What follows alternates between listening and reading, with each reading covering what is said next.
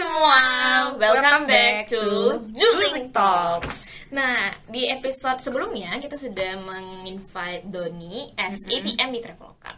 Nah, hari ini di episode kedua, kita akan undang narasumber yang tidak kalah kerennya, Hmm. keren banget sih padahal ya.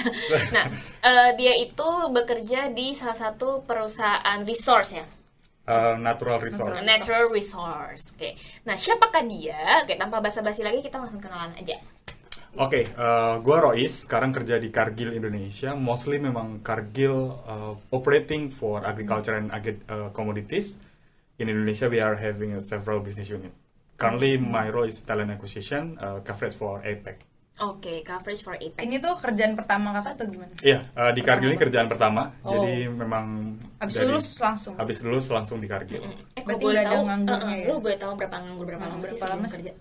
Nganggurnya adalah zero day. Wow, atau minus. Nah, Jadi sebelum zero, zero days, ya, zero. langsung ya? Eh, Berarti langsung ya. Nggak ada rehat nih. Nggak ada istirahat. Oke, dan di sini tuh kita mau eh, mengulas lebih dalam ya, Yep. kayak gimana sih lu bisa secure the job before the apa before eh, apa after graduation. graduation. Terus eh, gimana sih tips and trick untuk masuk ke Cargill dan apa FYI ya, eh, Royce tuh HR ya? Yep, HR-nya HR. IPEC loh, IPEC loh. Nah, jadi Tadi kalau misalnya jurusannya apa kak? teknologi industri pertanian. Jadi Ah. bukan psikologi, bukan hukum atau lain, tapi teknologi industri iya. pertanian Oke, ya. nah mungkin eh, di langsung ke pertanyaan pertama kali ya. Yep. Pertanyaan pertama adalah kenapa sih Cargill? Oke, kenapa Cargill? Sebenarnya Cargill waktu itu bukan pilihan pertama sih. Jadi uh, mungkin flashback dulu uh, waktu dulu setelah uh, selesai skripsi. Dimulai bukan setelah selesai, selesai skripsi sebenarnya dari mulai masuk semester 7, mulai persiapan skripsi itu udah sekalian nyebar CV dan juga sekalian apply-apply. Sebenarnya waktu itu memang ngejarnya MT, kayak oke. proses di Coca-Cola, Coca-Cola Amatil, kemudian ada uh, um, Danone juga, Nestle. Kemudian waktu itu yang kita, yang gue langsung diproses sampai final dengan user itu ada di Coca-Cola. Jadi waktu di Coca-Cola interview di Februari di sorry Mei Mei 2017, padahal gue harusnya lulus di Juli 2017. Jadi waktu itu udah final interview, tapi karena itu ditanyain sudah ada SKL atau ijazah belum dan sekarang statusnya apa belum masih fin- finalizing the mini thesis. Hmm, Akhirnya ya buffer buff. walaupun sudah shortlisted sampai di final. iya. Oke, itu di Coca-Cola pertama. Kemudian yang uh, di final assessment juga untuk MT Nestle sebenarnya ini barengan banget sama Cargill. Jadi Cargill signing uh, agreement, signing working agreement tuh minggu sebelumnya dan minggu selanjutnya tuh di uh, invite untuk Nestle final MT-nya di Jakarta dan uh, unfortunately I have to decline uh, untuk Nestle invitation karena udah signing di Cargill ya akhirnya Cargill. Proses di Cargill waktu itu kenapa? Uh, gue dulu penerima Cargill Global Scholars Hmm. di uh, tahun 2015 memang apply untuk beasiswa Cargill Global Scholars itu cover untuk uh, tahun ketiga dan keempat untuk perkuliahan teman-teman yang dari jurusan ITB juga buka dari ITB untuk Ini jurusan IPB biologi. kemarin banyak. IPB juga banyak Oh, jadi IPB. ya dari jurusan agriculture engineering apply aja untuk tiap tahun gitu selalu ada di Indonesia walaupun yang diambil cuma 10 Oh dan itu kayak kampus tertentu aja. Yang kampus boleh. tertentu jadi hanya sister universities gitu nah kenapa Cargill nah langsung menuju kenapa Cargill Oh belum ya dari tadi? Oh belum. Tadi karena cerita cerita banyak cerita. menuju ke sana. Oke, Oke. oke. Kenapa Cargill? Karena udah tahu Cargill duluan dari mulai dua tahun program di Cargill Global Scholars, tahu company-nya, Ya. uh, I know the value dan juga menurut gue ini penting banget kita bekerja dalam company yang value-nya sama kayak kita. Karena bekerja itu long term bukan satu dua hari doang. Kalau kita bosen kita kita bisa uh, langsung cabut aja gitu enggak. Tapi it's it's long term gitu. Hmm, itu pertama value. Kemudian gue kan sebenarnya bukan dari psikologi dan juga bukan dari Iya. hukum gitu. Tapi in teknologi industri pertanian. Jadi dari komoditiesnya itu karena Cargill juga bergeraknya di agricul- agriculture. dan komoditis. Jadi passion aja gitu dengan di situ juga kemudian setelah kenapa Cargill mungkin pertanyaannya bagaimana dari teknologi industri pertanian ke ke HR gitu Oke. Iya, dan sense-nya why dari gitu. mana dan tuh, why gitu HR, benar iya. sense-nya dari mana jadi saat saat lulus saat uh, sebelum lulus sebenarnya Hmm. pertama kali pem- uh, proses mencari kerja itu si semester 7 jadi mungkin ini tipsnya kita mau mulai duluan dan juga nanti jadi kita tidak akan ada spare time setelah kita lulus baru kita bingung cari Iya, kerja betul. Nah dari semester 7 itu mulai uh, ngerjain skripsi dan juga sekalian cari kerja itu memang apply-nya untuk bidang seperti PR, kemudian corporate affairs, Hmm. kemudian HR gitu. Karena kenapa? Maybe I think I've done to work with machine, kemudian to Hmm. work with systems, uh, sort of like that. Kemudian passionnya aja dengan people aja. Organisasi di luar kampus juga gitu. Organisasi uh, di luar kegiatan perkuliahan mostly adalah kegiatan yang um, fokusnya di human gitu, di people, people, people centric dan juga uh, lebih ke people management gitu-gitu. Jadi that's why I choose HR. Udah dapet sense-nya sebelum itu ya dari Yes, organisasi. ya. Mau nanya kak, ini kan Ya. berarti kakak MT-nya ya? IPAC itu. Sebenarnya di ini bukan MT, jadi pro hire. Oh pro hire. Langsung pro hire. Tapi namanya tadi IPAC. Uh, Asia Pacific. Asia Pacific. Jadi Eh, Berarti kayak ada- apa? Talent talent acquisition, Talent coordinator. acquisition. Ya. Mm-mm. Oh Talent- maksudnya tuh kayak nge-handle semua Asia Pasifik atau gimana? Uh, jadi mostly supporting sih, supporting untuk Asia Pasifik. Jadi bukan hanya Indonesia aja, tapi Hmm. untuk coordinatingnya untuk Australia, Singapura, Malaysia, dan juga uh, several countries gitu, not, not only Indonesia. Hmm. Indo. Gitu. Berarti kayak ada exposure keluar juga nggak kemungkinannya misalnya? Untuk kerjanya mungkin base-nya tetap akan di Jakarta, tetapi exposure untuk keluarnya itu lebih dealing dengan people-nya, dealing Oh, dengan people, dengan people, gitu. dengan uh, hiring manajernya, uh, connecting dengan mereka-mereka gitu untuk misalkan interview arrangement, Hmm. kemudian shortlisting candidate seperti itu. Berarti kayak interview jarak jauh gitu ya? Tapi Yes. dari Indo gitu? Ya, ya, Oh. mostly arrangementnya memang kayak gitu. Kemarin mungkin I, I can share untuk uh, arrangement interview Hmm. tuh uh, sedikit challenging, tapi untuk di current days gitu, Hmm. nowadays gitu sangat mudah banget karena ada Skype. Gue kemarin pernah arrange interview untuk kandidat yang ada di Latin Amerika. Hmm. Interviewnya ada di Europe, salah satunya ada di Minneapolis di US. Time difference-nya gila kan, tiga negara. Oh. Iya, itu. Bener kan? berkorban tuh? harus ada yang Hmm. berkorban. Salah satu harus ada di tengah malam atau di pagi banget. Oh. Akhirnya uh, gue tentuin banget karena memang adanya teknologi ini sangat membantu. Jadi kita bisa Hmm. video call dan juga nggak perlu kita ngeluarin tiket, nggak perlu kita ngeluarin waktu untuk terbang ke mana-mana. Tapi be- memang sangat uh, keren banget sih. Maksudnya udah streamless banget kita mau seperti apa pun juga bisa gitu. Jadi exposure yang itu mungkin di situlah mahalnya untuk pekerjaan ini kalau kita misalkan coveragenya itu memang gak hanya di satu country aja kita bisa ketemu dengan beberapa orang dan juga kita bisa belajar dari mereka. Hmm, Berarti semua CV yang masuk dari Indonesia nya Kargil sama IPAC-nya itu berarti lo yang filter gitu? Mostly gue handle untuk Indonesia untuk yang filter, efeknya gue lebih ke coordinatingnya. Jadi ke coordinatingnya, manage-nya gitu. Lu yang baca CV atau lu nentuin nggak kayak oke ini orang berhak untuk next step? Yes, gue. Misalkan gue handle handle requisition, requisition adalah uh, open vacancy gitu. Jadi semua, ya misalkan itu yang gue sebagai rekruternya, gue yang seleksi dari mulai CV, kemudian gue yang preliminary interview, gue yang akan arranging ketemu sama user, dan juga uh, gue akan yang proses offering dan lain sebagainya. Jadi memang proses hiringnya gue yang handle end to end. Jadi kalau mau kirim CV Masuk. Ah. Langsung ke gue bisa. Berarti HR di sana itu kayak kerjaannya apa sih? Kayak, Oke, sebenarnya kan HR. udah di handle di Hmm. sini berarti.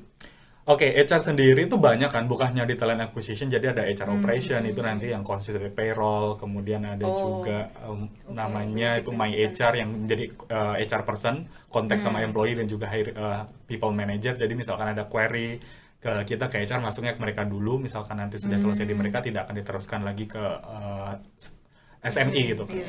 Hmm, ke expertise-nya. Jadi selesai di situ sebagai HR generalis. Kemudian selain itu ada talent acquisition, ada talent performance, kemudian ada global compensation, ada industrial and uh, employee relation gitu, gitu. Banyak sih di HR sendiri. Jadi mostly per country itu ada uh, personnya. Jadi ada specialty-nya. Di Indonesia ada sendiri, Singapura ada sendiri, tapi memang role untuk yang gua di talent acquisition ini structure organisasinya itu bukan hanya within country aja, tapi Oh, memang oke. domainnya. Jadi memang starter gue domain. Gue reportnya ke bos gue yang ada di Singapura. Oke. Eh lu udah kerja berapa tahun sih? Gua per Juli ini 2 tahun 2 bulan. Wow, dua tahun dua bulan. Oke, Iya. awet ya. Eh, Awet. BTW Masih 2 tahun coy. Oh, masih dua tahun. Masih. Tadi tadi gue menarik ya kayak episode sebelumnya kan si Doni bilang ya kalau misalnya kita milih perusahaan itu harus sesuai dengan value kita gitu. betul. Jadi guys yang millennials gitu yang mau gaji tinggi it's not wrong gitu kan tapi Ya. Iya. anyway value yang cocok ya dari perusahaan terke- sa- sama kita ya Ya. itu sebenarnya yang perlu dikonsider banget gitu Karena gaji will follow juga Iya, Yes. gaji lu follow dan karena lu suka kerja lu, lu perform di tempat kerja ketika value sesuai dan ya pasti rezeki itu akan datang gitu kan. Wise banget ini. Iya, Wise super banget. sekali. Oke. Super sekali. Bisa nih jadi pembicara selanjutnya. Nah, eh, anyway, kan lu tadi bilang ya, lu Ya. tuh teknik eh, pertanian. Ya. Pertanian. Nah, lu terus lu daftar jadi talent acquisition-nya di Cargill. Cargill. Nah, pertanyaan gue nih atau pertanyaan sejuta millennials kan. Oke. Nah, eh, ke aku takut deh nggak bisa keep up gitu di tempat kerja nggak bisa survive gitu kan nah Ya. lu gimana nih kayak eh, Handle. mungkin nge-handle tips and triknya atau su- apalah selama lu kerja gitu Oke, mungkin tipsnya satu dulu adalah jangan takut terkait misalkan kita masuk di dunia baru. Dan apa yang kita pelajari, Iya, mungkin iya, teman-teman juga merasakan, apa yang kita pelajari di kuliah itu enggak 100% kita aplikasikan kan Iya. di dunia pekerjaan. cuma berapa persen ya Cuma berapa persen? Mungkin 20% doang. Itu mungkin terkait iya, dengan people management, terkait knowledge kita, common Iya. knowledge kita untuk ngobrol biar nyambung. Mostly uh, the rest of the knowledge kita akan belajar banget mulai dari nol semua di kantor. Dan kayak isi bensin ya Yes, benar. dari mulai dari nol ya. ya? Mulai dari nol ya. Terus Oke.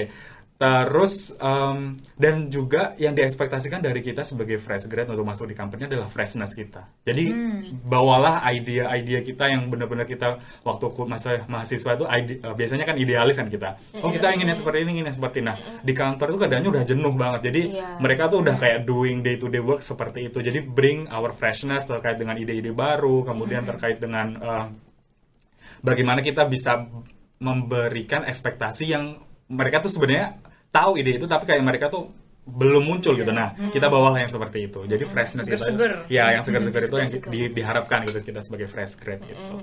Dan bagaimana keep up-nya banyak banget platform untuk belajar di luar sana banyak banget kayak misalkan LinkedIn Learning tuh ada yang gratis kayak Coursera kemudian Khan Academy itu banyak banget teman-teman bisa akses.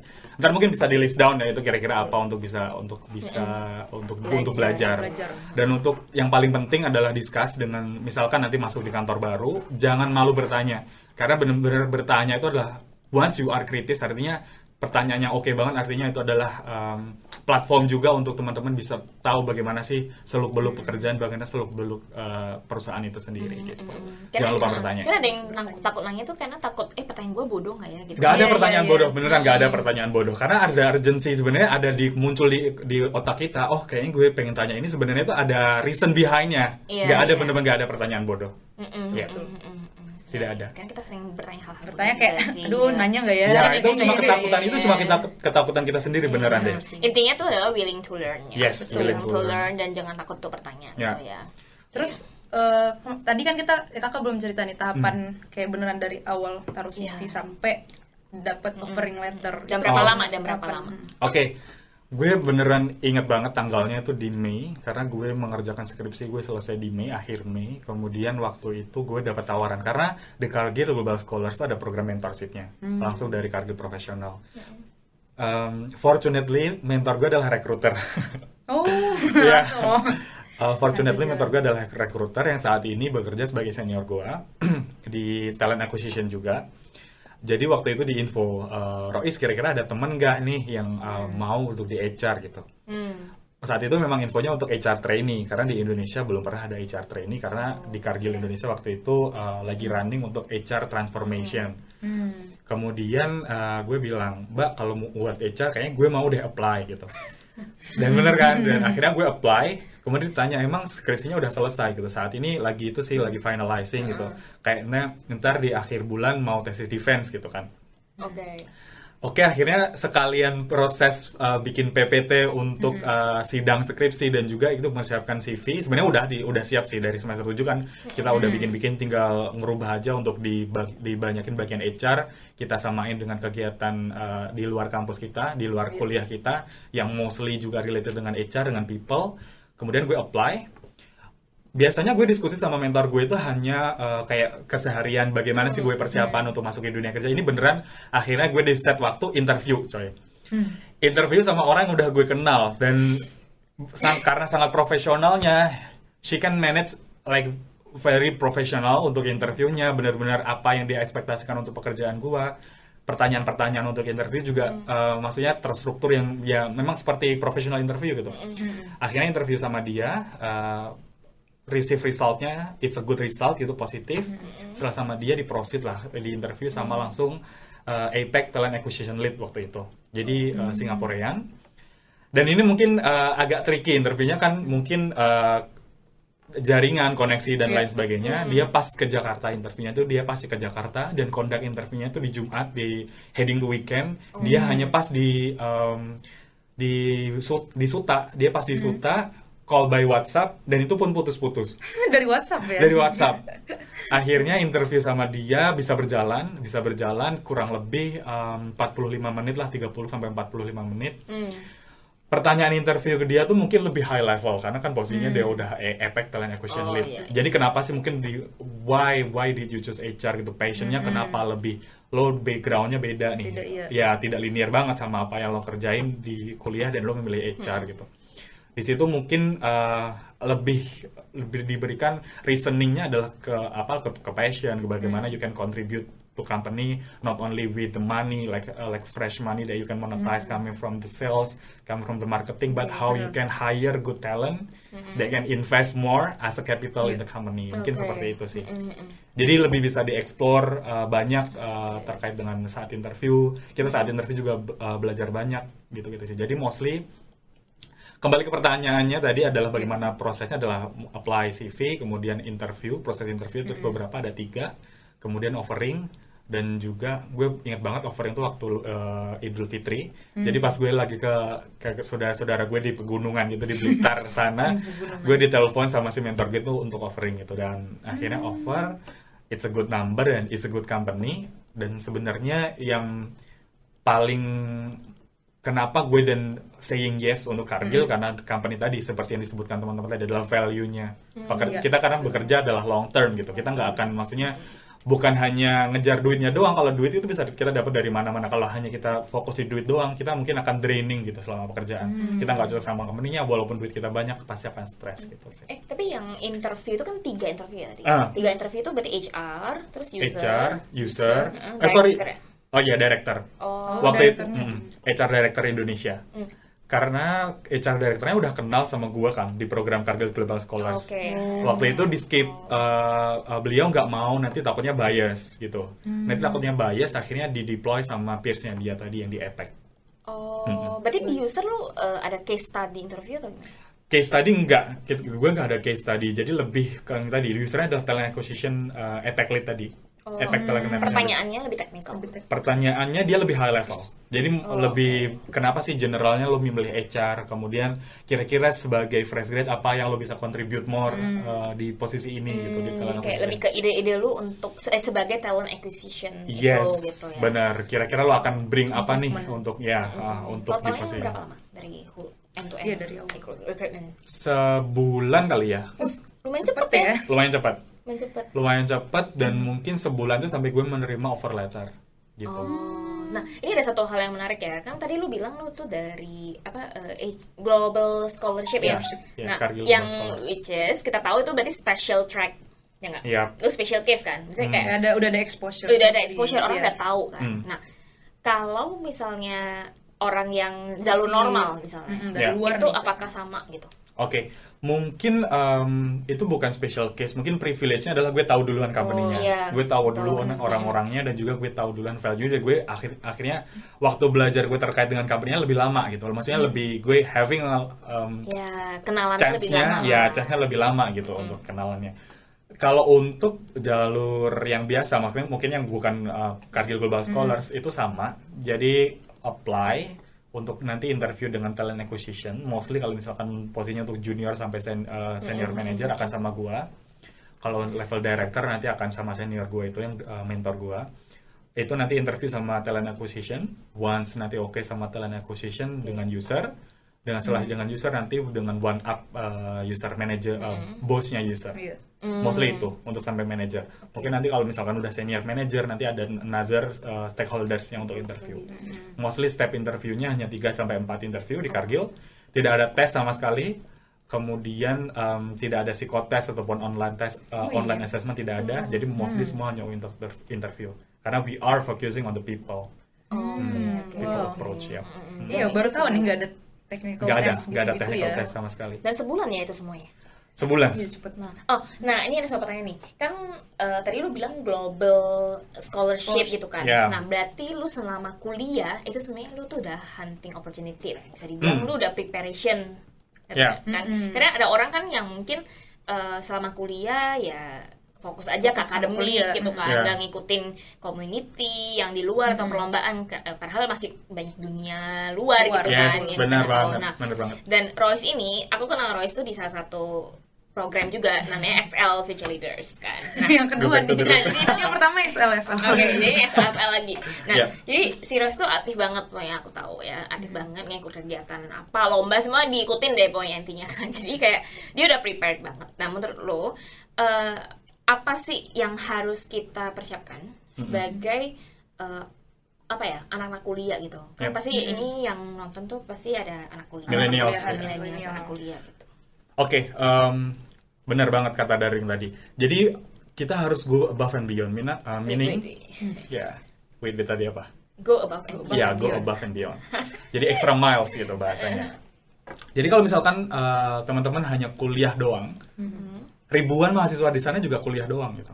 Apa yang bikin beda teman-teman? Iya. Ya, uh, harus ikut kegiatan, harus ikut kompetisi, mungkin adalah uh, overseas seminar, conference, itu benar banget. Dan opportunity di luar sana sangat banyak. Teman-teman hanya uh, bisa diakses dari mana pun dan itu adalah mempersiapkan karir path kita ke depan. Dengan seperti itu kan sebenarnya um, amunisi kita untuk nanti kita jualan saat interview itu bisa banyak Iya. gitu. Kita mau posisi apa? Oh, angkat aja isu yang kita pernah bawa di sini gitu. Kita mau interview di posisi yang lain dengan industri yang lain. Kita linkage-nya juga dengan uh, beberapa kegiatan yang udah pernah kita lakukan ikuti sebelumnya gitu. Jadi benar banget uh, harus berani keluar dari zona nyaman yang hanya kuliah aja. Iya. Kalau bahasanya mahasiswa kan kupu-kupu gitu kan, kuliah pulang, pulang, jangan banget. Karena 24 jam sehari sebagai mahasiswa itu privilege banget. Teman-teman masih bisa tidur siang dan sekalian apply untuk program di luar. Kalau kita sudah kerja, mana bisa kita tidur Iya, siang ya. kan? Betul. Jadi privilege-nya masih gede banget untuk teman-teman mahasiswa. Jadi harus uh, mau uh, mengkorbankan beberapa jam waktunya dalam sehari untuk bisa apply dan juga ikut kegiatan di luar. Oke. ya, Gitu betul, sih. betul. Dan mungkin tadi terkait dengan pertanya- pertanyaannya linkage-nya seperti apa. Jadi don't be afraid gitu. Kalau teman-teman hanya being afraid, ribuan orang-orang di sana juga akan sama posisinya dan yang akan bikin Yes. menonjol apa nggak akan kelihatan gitu. Hmm. What will be the top notch of you gitu nggak ada nggak ada kelihatannya. Jadi be different artinya uh, in a good way Hmm. untuk bisa uh, achieve this and that. Setelah itu nanti untuk interview, once you are interview, you have a lot of capital for you to talk gitu about Hmm. untuk waktu interview. Iya, bukan bermaksud sombong gitu ya Iya ambis benar gitu benar ya. benar. Sebenarnya ambis ambis is very much okay. Iya, Kenapa? in a positive way. In a positive way, way. benar. Asal kita tidak merugikan orang lain. Dan mungkin yang sekarang yang mungkin banyak dihindari oleh uh, orang-orang adalah social pressure. Sebenarnya social pressure kita diomongin itu it's okay. Saat mereka ngomongin kita, saat kita ambis, saat kita banyak di spend dari keluar kampus untuk Iya, ikut benar. kegiatan, it's okay for you. Mereka artinya sebenarnya mereka tuh iri.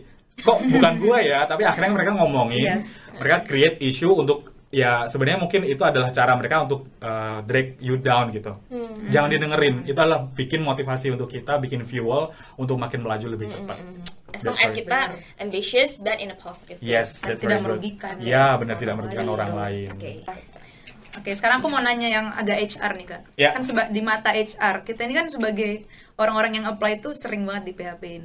Hmm. Kayak ya gimana ya kita ngerasa udah memberikan segalanya terus kayak nggak dihubungin. Terus Iya. gimana sih cara approach yang bagus yang bikin mereka nggak ilfeel sama kita gitu loh. Nggak keterkesan kita agresif, tapi asertif lah gitu. Oke, oke. Uh, good question. Jadi sebenarnya bukan maksud kita untuk PHP. Kalau mungkin gue uh, cerita dulu case-nya untuk menuju ke per- uh, menjawab pertanyaan itu ya.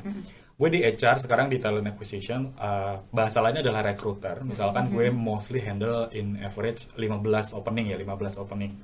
Masing-masing opening ada minimal tuh 100 applicants gitu. Wow. Dikali 15 itu berapa? Sudah 1.500 gue selalu bikin uh, timeline ke hiring manager untuk gue update tuh bi-weekly. Artinya dalam dua minggu gue cuma punya waktu 10 hari untuk masing-masing. 10 hari untuk 15 requisition, jadi gue mostly dalam sehari harus pegang uh, 1 sampai 2 kan. 1 sampai 2 dalam sehari 8 jam gue harus screening re- uh, CV sekitar 200 minimal itu in minimal. Jadi screening CV dengan 200 uh, dari sistemnya udah masuk. Mostly kalau misalnya dibagi per jam tuh berapa? Kayaknya Hmm, berapa detik doang? Ya in seconds banget gue kayak Iya, lihat iya, CV dan gue yang paling gue lihat pertama kali adalah tampilannya. Jangan pokoknya jangan sampai bikin uh, CV yang ridiculous. Di luar sana udah banyak platform teman-teman bagaimana harus membuat CV yang bagus. di Excel level juga ada kan e-learn gitu. Uh, Darling juga pernah share itu terkait dengan bagaimana membuat CV yang bagus untuk uh, sebuah komunitas. Di next video. Di next video Di ya. next video kita bisa bahas itu ya untuk CV. gitu. Tuh, tapi kan apa yang benar-benar big no langsung buang aja gitu. Ya, oke. Kayak Yang- second lah kalau udah bisa bilang duh. no gitu. Oke, yang deal breaker banget adalah misalkan eh, lo kasih emoticon di CV. Oh, ada ya? Ada banyak banget sumpah. Di level supervisor manager Oh, iya, mereka bener. kayak masih uh, kasih emoticon. Iya. Misalkan nih kayak um, phone number, dia pakai gambar phone yang warna-warni yang nggak jelas, mungkin Mhm. di snipping tool gitu-gitu menurut gue udah not profesional gitu. Mhm. Yang kayak gitu sih. Tapi kalau lebih ke konten adalah CV yang bahasa, gue nggak suka banget sama CV yang bahasa. Mhm. Karena kenapa? Bukan bukan maksudnya bukan mau apa ya bahasanya, bukan mau So-so profesional. Ya, sosok sosok Eng- English. English, English. tapi Heeh. CV yang bahasa itu menurut gue ya udahlah apply untuk perusahaan yang lokal aja Lokal gitu. aja, iya. You apply for multinational company, you have to prepare yourself gitu untuk bahasa bahasa Inggris. Hmm. Karena di saat ini gue bicara untuk uh, rekruternya untuk Cargill gitu. Jadi kan Hmm. Cargill adalah multinational company, you have to learn the company and you apply and you prepare gitu. Hmm, oke, itu. oke. Dan yang selain itu deal breakernya adalah CV yang benar-benar gue langsung gak lihat lagi adalah misal lo taruh foto di situ yang gede dan itu fotonya bukan yang bukan yang formal foto. Profesional gitu ya. Foto Eh, selfie gitu. kita foto selfie atau foto ada backgroundnya orang-orang yang lagi party gitu. ada it's happening Wah, gitu. oke. yang seperti itu. Jadi uh, untuk CV mungkin nanti bisa dibahas lebih, Boleh, lebih Iya, lanjut. iya. nah tadi pertanyaannya ke PHP nah itu tadi dari banyak banget CV yang di review dan gue hanya butuh cuma butuh uh, hanya memiliki waktu in seconds doang untuk per CV di situlah bagaimana strategi lo untuk bikin CV yang bagus dan CV lo bisa dilihat gitu Hmm. once itu udah dilihat pasti akan langsung gue call untuk preliminary preliminary Hmm. discussion gitu gue pengen tahu lebih lanjut dan gue tertarik sama profilnya Hmm. gue mostly akan lebih explore bagaimana the way you communicate the way you delivering an idea Iya. kemudian sebenarnya lo nulis kayak gini tuh lo punya beneran Hmm. gak experience-nya kayak gitu gitu terkait dengan background check dan Hmm. lain sebagainya once itu nanti udah oke gue proses nanti akan shortlisted gue share ke hiring manager to, for, for them to decide kira-kira mana aja nih yang mau di interview duluan gitu. Nah untuk PHP-nya sebenarnya seharusnya recruiter itu kalau di Cargill ya gue bicara dari Cargill di Cargill tuh kita uh, applicant sta- tracking sistemnya kita menggunakan Taleo. Pasti uh, Juna dan juga Iya. Darling uh, aware kan dengan Taleo. Di Taleo itu gue ada report uh, setiap minggu. Gue report misalkan gue udah close position satu nih jadi gue harus nge-reject yang lainnya. Karena kalau nggak di-reject itu ntar akan muncul terus di, di reportnya. Ini Rois lo belum reject nih. Uh, Ada certain- alertnya, ya, ada ya, alertnya. Jadi certain amounts of candidate you have to notify them kalau misalkan Iya, mereka itu ada rejected. ya benar. Dan jadi Taleo itu benar-benar updated um, mostly multinational company juga FMCG yang sekarang uh, di Iya. Indonesia juga masih menggunakan itu. Taleo Seperti karena PNG. ya PNG, Iya. Unilever gitu, L'Oreal kalau nggak salah juga masih menggunakan, eh, bukan, bukan Taleo ya, Taleo kalau nggak salah juga. Ya, Iya.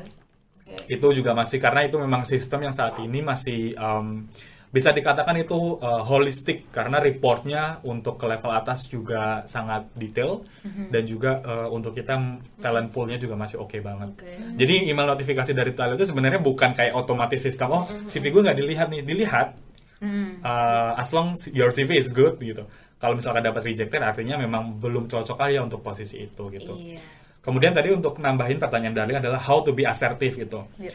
It's okay for you to follow up. Misalkan lo dapat uh, email recruiternya udah follow up aja, tapi in in uh, Manner. in manner gitu, Well- timely manner gitu. Timely manner misal dalam seminggu satu kali gitu. Misalkan belum Hmm. ada follow up lagi minggu depannya. Tapi jangan tiap hari. Kalau tiap hari pasti kita akan annoyed gitu, getting annoyed.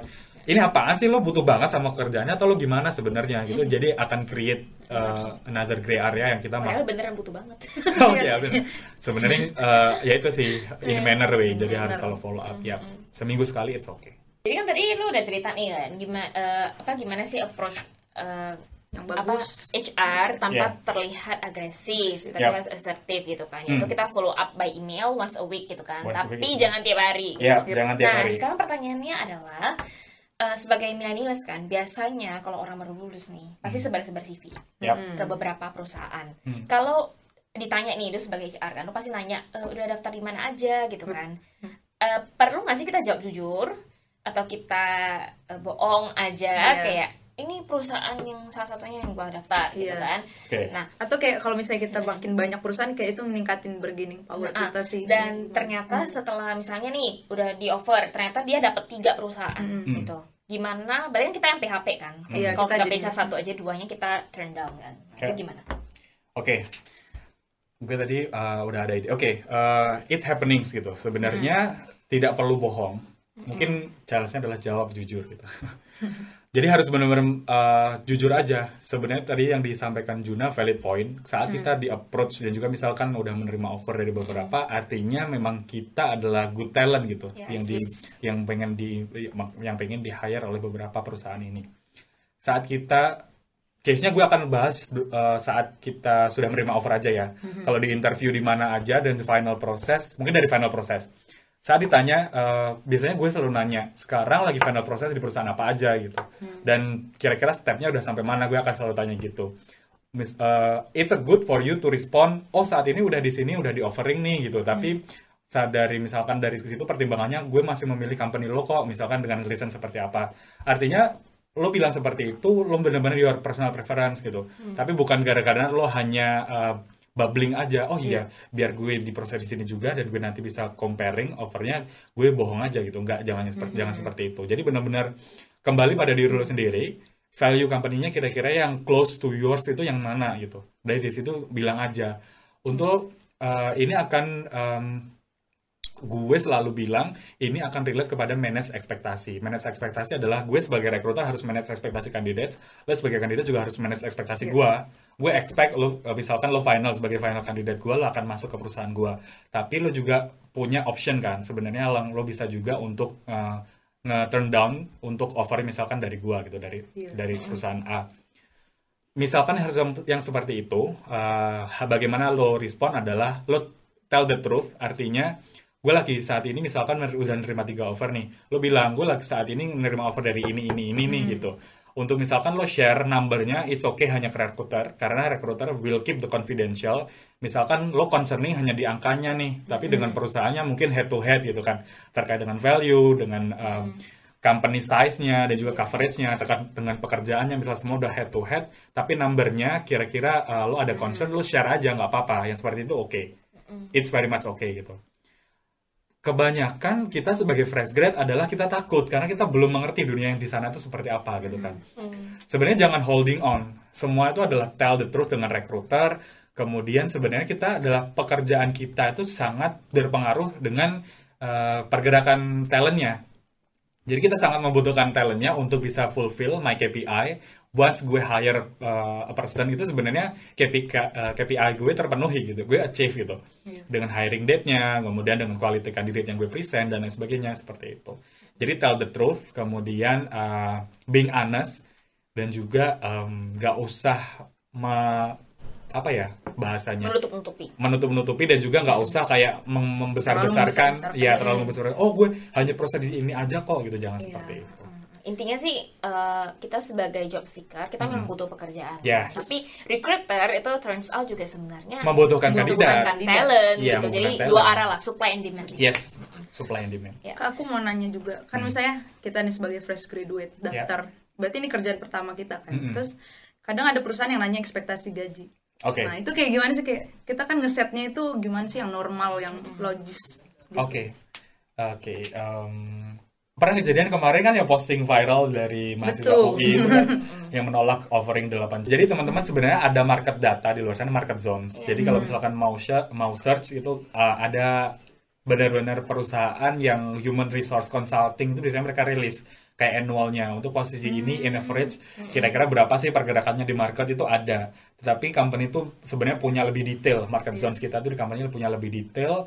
Dan juga sebenarnya offering dari talent uh, dari recruiter dari recruiter itu sebenarnya kita udah comparing dengan market zones di industri yang sama kemudian sama internal equity kita equalnya dengan itu di posisi yang seberapa um, room to negotiate is there. Bagaimana teman-teman bisa aja itu. Kan seninya di situ akan itu nanti sebenarnya akan mengikuti jam terbang. Iya. Kalau kita udah uh, talent yang bagus, maksudnya udah udah lama dalam satu pekerjaan, negotiation ya maksudnya kecil lah gitu. Mungkin kalau untuk fresh grade, negotiationnya adalah mungkin lebih ke apa sih sebenarnya yang lo punya experience dari si kampus lo itu tadi? Kembali ke yang kita bahas tadi. Um, amunisi-amunisi apa aja sebenarnya lo udah punya, kemudian lo uh, what kind of skill set that you can offer to your company, that you can give a value for them gitu. Jadi dari situ untuk room of negotiate is there gitu. Untuk misalkan, oh offernya udah segini nih, lo negotiate aja kira-kira sini harus ada reasonnya apa. Kalau Iya. misalkan reasonnya make sense, itu recruiter juga bisa nanti uh, ngediscuss lagi dengan manajemen Oke. gitu. Jadi kuncinya adalah searching, kita Searching, harus tahu benchmarknya research ya. berapa Benchmarkingnya gitu ya. benar. Terus kayak harus rasional juga. Yes, being rational gitu. Mm, Karena fresh grad gitu loh kan kita Apa yang tahu. kita ekspektasikan dari Iya, fresh grad kan gitu? nggak ada experience juga Iya, gitu kan. gitu. Oke. Eh, nah mungkin ini eh, suka dan duka. Oke. Selama lu di Kargil. sama di card Selama di Kargil atau sebagai recruiter? Selama di overall deh. kan lu Hmm. recruiter juga di Recruiter Kargil. juga Oke. sama aja Oke, suka duka di Kargil. Um, mungkin dukanya dulu. Dukanya Iya, adalah semua orang dari Semua duka dukanya dulu Ah, ya. gitu ya. Dukanya mungkin di Kargil adalah sudah established company ya. Jadi Hmm. mungkin kebanyakan uh, people di sekitar gue itu bukan yang seumuran. Yep. Jadi gue harus bisa mengimbangi sama social life gue di luar. Jadi gue sama Darling tuh kayak bisa frequently kita kayak ketemu gitu-gitu ada sih. Jadi gue bisa ketemu mind sharing juga discuss gue sama teman gue masih gue keep update gitu dengan itu. Kalau misalkan gue tetap di sekitar sama people yang misalkan udah um, maksudnya beda gitu, generationnya udah beda, gue akan apa ya kayak akan drowning gitu dengan Iya. nggak update gitu dengan dengan dengan kehidupan milenialsnya Iya, gitu. oke. Ketarik. Gue ntar gue jadi ketarik jadi uh, bukan, Iya, bukan milenial. Mungkin itu. om-om. Dukanya mostly itu sih uh, karena di established company seperti itu. Dan itu uh, expected lah, uh, maksudnya kelihatan semua seperti itu. Sukanya adalah tadi uh, internal exposure-nya bagi gua, gua bisa ketemu dan juga di Kargil itu uh, like there is no bureaucracy gitu. Jadi gue bisa discuss dengan HR director, kemudian gue discuss dengan presiden director hanya dengan mengetok pintu atau Skype langsung bisa seperti itu. Jadi nggak ada harus ketemu asistennya dulu, ketemu dengan personal assistant nggak ada. Kemudian gue bisa discuss dengan uh, semua Kargil employee around the world gitu. Jadi tidak ada barrier apa pun, gue bisa langsung Skype, bisa langsung ngomong sama siapa pun dan gue bisa langsung ngobrol. Misalkan gue pengen sesi, ya udah gue tinggal book waktunya ada, gue pengen tanya apa gitu.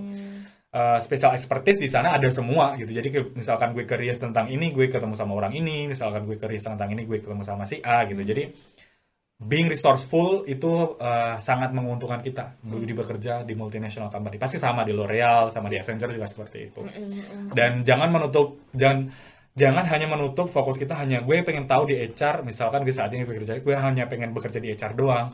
Padahal bisnis acumen itu bisa dapat dari mana pun dari sales marketing dari bisnis betul. dari procurement dan lain sebagainya. Dari situlah learning di situ sebenarnya yang mahalnya dalam suatu pekerjaan uh, intangible benefitnya itu tadi sih. Bagaimana kita dalam suatu organisasi kita bisa memanfaatkan uh, fully uh, resource yang ada di situ untuk uh, our own benefit. Gitu artinya terkait dengan uh, financialnya dapat Hmm.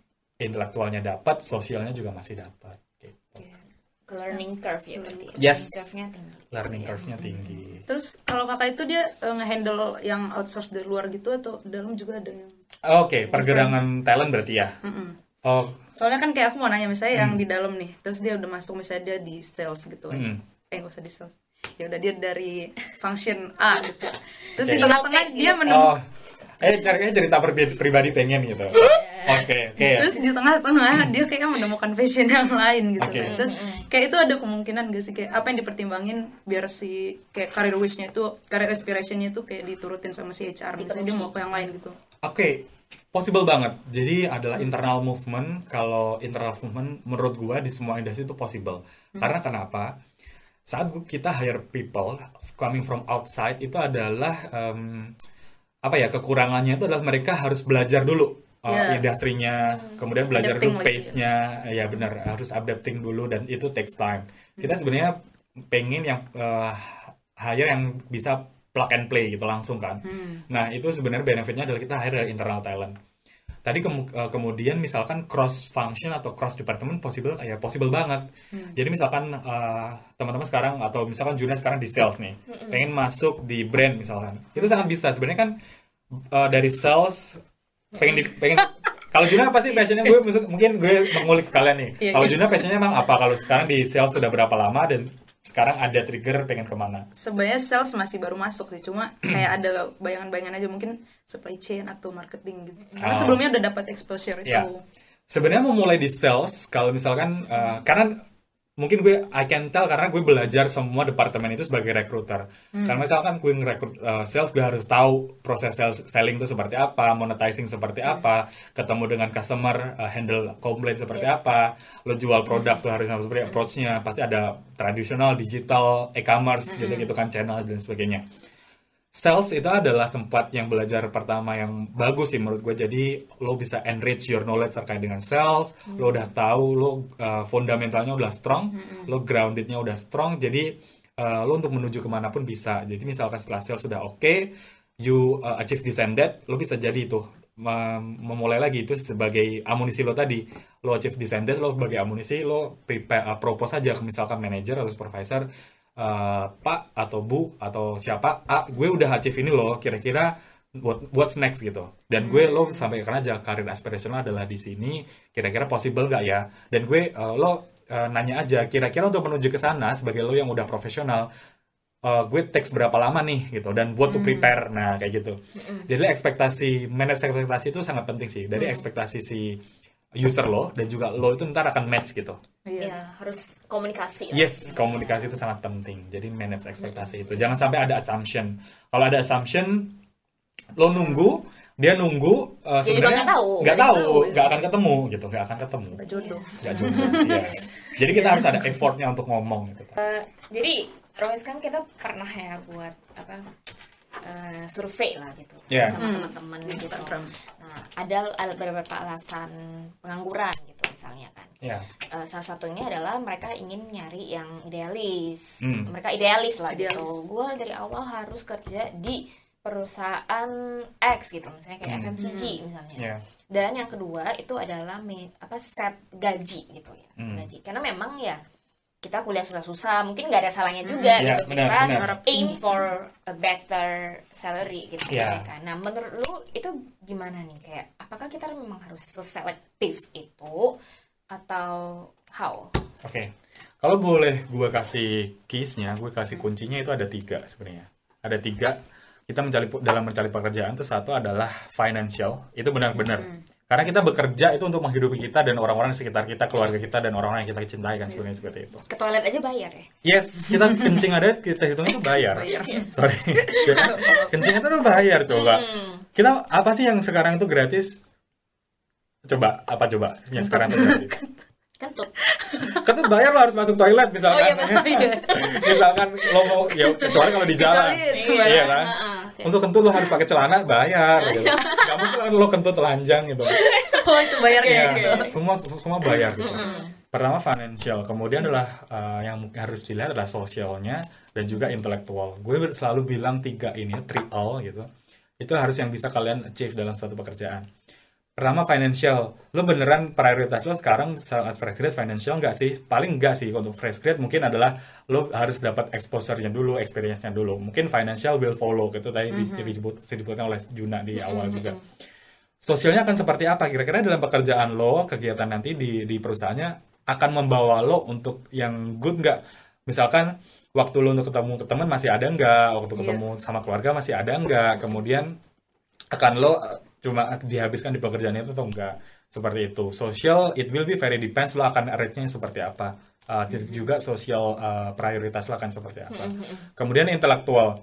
Jangan hanya nyemplung suatu pekerjaan financialnya gede kemudian lo sosialnya uh, mungkin nggak nggak dapet gitu tapi intelektualnya lo nggak dapat sama sekali lo mau ngejar apa lo akan selamanya gaji gede tapi uh, selama lima tahun di situ aja gitu Learning Iya, curve. benar. learning curve-nya nggak ada belajar gitu. something nggak gitu Ya lo nggak lo belajar something nggak di situ. Intelektualnya juga lo harus tetap uh, terchallenge gitu terus menerus. Nah dari tiga ini misalkan sudah fulfill dua, misalkan uh, sosial oke, financial oke, learningnya intelektualnya nggak begitu oke, mungkin masih oke lah. Jadi akan depend sama prioritas lo seperti apa. Jadi dari ketiga ini misalkan ke fulfill dua dan sangat uh, subject to your priority itu bisa ambil aja gitu. Hmm. Dan jangan jangan jangan being uh, too ideal, jangan Idealistic. ya too Iya. idealistic. Karena kalau benar-benar sangat idealistik dari ketiga ini lo akan take years gitu untuk dapatkan pekerjaan dan saat lo udah misalkan kosong selama satu tahun akan ditanya sama rekruter lo selama satu tahun ngapain aja gitu dan itu akan jadi concern. Gitu sih. Jadi bagaimana lo bisa uh, manage ekspektasi lo sendiri? Gue uh, gue sebenarnya bukan orang yang su- suka baca tapi gue saat menemukan suatu quote yang bagus gue akan selalu ingat. Gue kemarin baca adalah the biggest project in your life is you yourself. Ya karena lo mengurus diri lo sendiri lo mencari pekerjaan untuk diri lo lo lo bertemu dengan orang itu juga untuk kebaikan diri lo sendiri. Jadi project terbesar dalam hidup teman-teman semua adalah diri lo Diri. sendiri. Saat lo membiarkan diri lo kosong selama satu tahun, project lo berarti gagal selama satu tahun, lo ngapain aja akan di akan ditanya sama rekruter. Kemudian saat lo achieve, lo langsung masuk di sini, tetapi pekerjaannya juga oke, lo juga akan ditanya. Kenapa? Memang gak ada opsi yang lain kayak gitu. Jadi em, ketemu sama banyak orang, ketahui eh, banyak eh, pengetahuan, jadi dari situ eh, lo tahu posisi lo di luar tuh seperti apa dan terbaiknya lo masuk yang seperti apa gitu sih. luar biasa Terus eh, kan sekarang kan lagi zaman tuh di millennials kayak job hopping. Ah, Nah, job iya. hopper. Itu di mata HR itu gimana sih? Kayak sama satu lagi nih Yang ngeliatnya. sama satu lagi kayak bekerjalah sesuai dengan passion anda Iya, gitu. lu setuju gak sih kayak passion Oke. gitu yuk, Yap. Terkait dengan job hopper, um, job hopper itu kalau misalkan tiap ta- satu tahun ya, setiap satu tahun misal lo pindah, itu sebenarnya bagi recruiter itu adalah ya udah itu adalah pilihan lo. Tapi sebenarnya di profile lo itu nggak akan bagus. Kenapa? Gue mungkin bisa kasih contoh adalah saat lo uh, satu tahun di satu perusahaan, kemudian lo pindah. Sebenarnya esensi lo untuk bekerja dan juga lo tuh belum uh, proven enough. Sebenarnya lo udah achieve apa sih di perusahaan itu dan lo pindah. Sebenarnya lo kejar apa? Kalau cuma duit doang, oke lo gak akan selesai ngejar duit doang. Secara tadi uh, dari sebutkan learning curve-nya sebenarnya lo belum sampai di peak, lo kayak udah nyerah. Gue ngelakuin apa aja nih? Ya udah gue pindah aja. Lo cari mulai dari nol ke learning yang lain. Jadi yang lo yang lo dapetin misalkan sudah dalam lima tahun lo lima perusahaan yang beda-beda, itu nggak akan ada nilai jualnya sama sekali. Dari situ nggak ada nilai jualnya karena well-rounded experience itu nggak ada, nggak ada lo achieve dari sini baru move ke sini, lo achieve di sini baru move di sini dalam satu company yang sama. Sebenarnya di situ adalah yang lebih mahal daripada yang pindah-pindah-pindah-pindah walaupun secara mungkin secara angka it's, uh, mungkin gede gitu, tapi untuk company yang bonafit itu dia nggak akan dilihat. ya, Talent lu belum seperti- ada value yang bisa dikasih gitu ya Benar, kontribusi lo ke perusahaan tuh belum ada sama sekali gitu. Lo bener sih. apa yang lo udah lakukan dari perusahaan lo itu yang bisa lo jual tuh apa nggak ada, Hmm, hmm, hmm. belum proven gitu. Kemudian tadi untuk pertanyaan yang kedua, Passion, passion. oke. Bekerja sesuai passion itu seperti apa?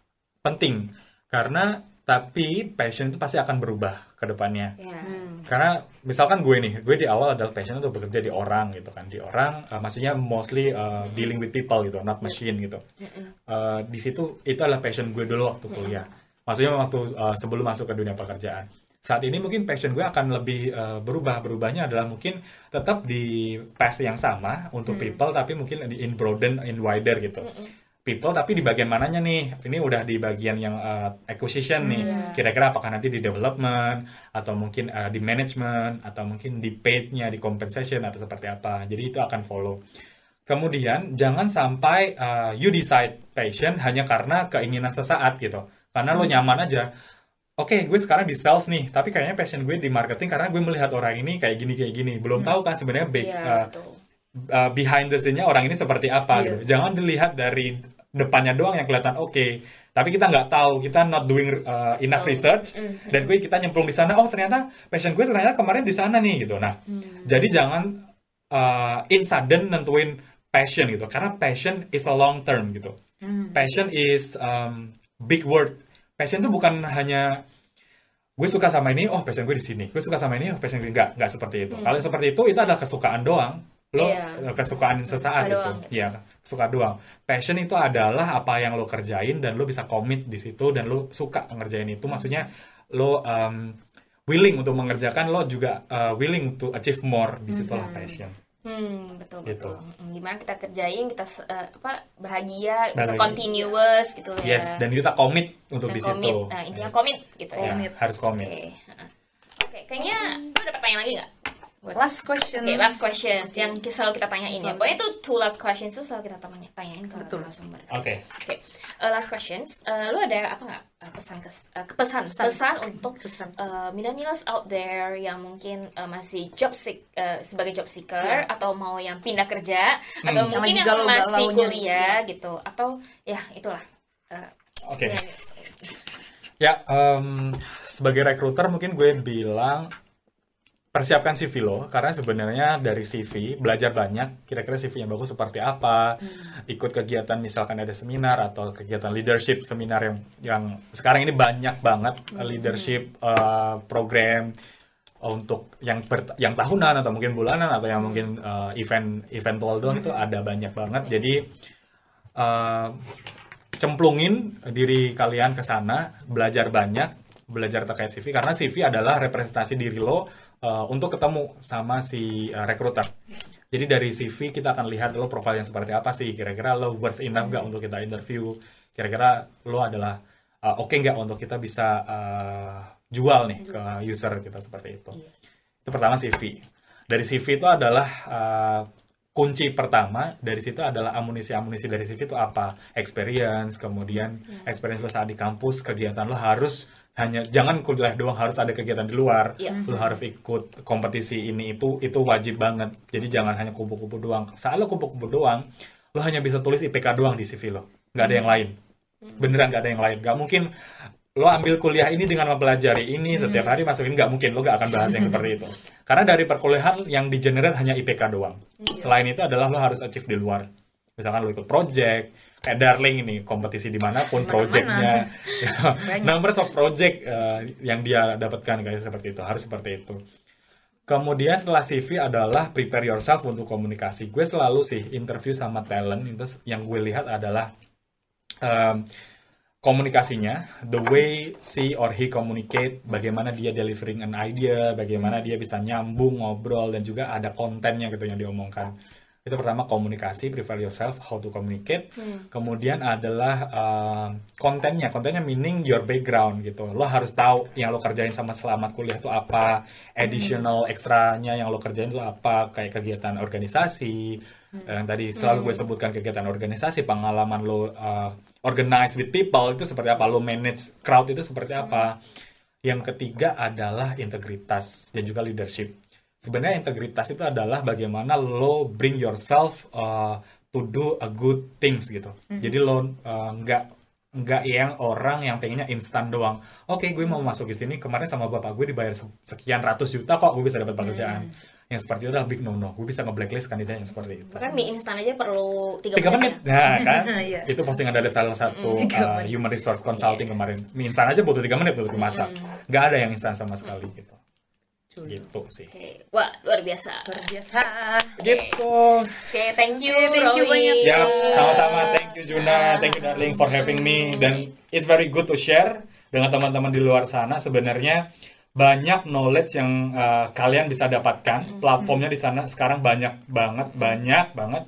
Dan uh, mungkin pesan yang gue dapatkan waktu itu dan gue beruntung banget saat itu gue mendapatkan itu. uh, maksudnya earlier gitu adalah having a mentor, ya kan? Iya, iya betul. selalu dapat gitu betul. kan Mm-mm. having a mentor uh, you get a mentor jadi bisa lo di tingkat satu lo cari deh mentor kira-kira siapa sih yang lo akan tandem dan lo lihat oh dia udah achieve ini lo bisa copy seperti itu Role model. Mentor, role role model, model, ya oh. mentor adalah seseorang bisa ngasih lo feedback strong feedback Betul. kemudian ngasih lo evaluate lo evaluasi dan lo bisa bener-bener bisa improve itulah bener-bener good mentor yang lo bisa tandem selama perjalanan lo di masa kuliah once lo udah bener-bener ready untuk uh, prove yourself untuk bisa masuk ke dunia industri profesional di situlah uh, dunia yang sebenarnya dimulai gitu. Oke. having a mentor kalau kalian ada yang mau nanya ke Karo yes boleh Komen aja video ini. Yap. Nanti Atau bakalan Royce bakalan langsung di mention gitu. Pokoknya langsung Boleh, boleh. langsung Langsung dibalas.